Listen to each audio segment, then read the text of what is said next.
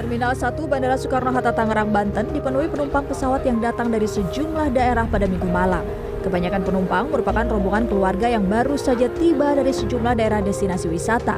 Mengingat mulai Senin warga sudah harus kembali bekerja dan bersekolah. Dari Padang Pak, liburan kalian pulang kampung. Mm-mm. Eh, kenapa memilih kembali hari ini, Bu? Karena besok sudah aktif lagi bekerja. Mhm. Ya, anak-anak juga udah mulai Oh, besok juga udah sekolah.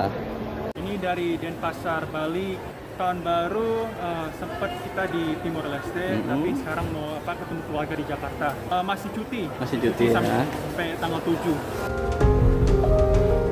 Berdasarkan data dari pengelola Bandara Soekarno-Hatta, pergerakan penumpang pada minggu mencapai 108.055 orang, yang 59.676 orang di antaranya penumpang yang tiba di Bandara Soekarno-Hatta. Kebanyakan dari mereka adalah penumpang yang datang dari lima kota besar di Indonesia, yakni Denpasar, Kuala Namu, Makassar, Yogyakarta, dan Surabaya. Pengelola Bandara Soekarno-Hatta memprediksi puncak arus balik libur Nataru akan terjadi pada Senin 2 Januari dengan jumlah penumpang yang datang sekitar 145 ribu orang.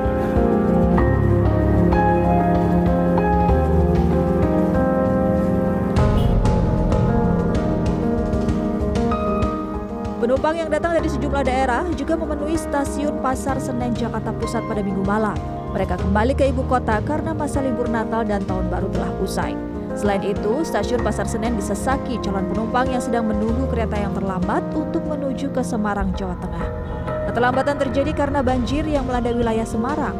Banjir menyebabkan kereta yang menuju Jakarta tertahan atau melintas dengan pembatasan kecepatan untuk keamanan perjalanan. PT KAI akan mengembalikan 100% biaya tiket bagi calon penumpang yang membatalkan perjalanan. Sementara itu, yang memutuskan menunggu mendapat layanan minuman dan makanan dari pihak KAI. Ya untuk hari ini pada 1 Januari 2023 memang terdapat sejumlah KA yang mengalami keterlambatan pemberangkatan baik itu dari stasiun Gambir ataupun juga stasiun Pasar Senen. Adapun keterlambatan tersebut eh, merupakan dampak dari kondisi terjadinya banjir di sejumlah titik di wilayah Semarang.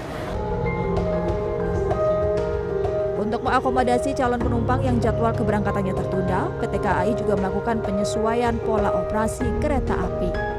Tim Liputan CNN Indonesia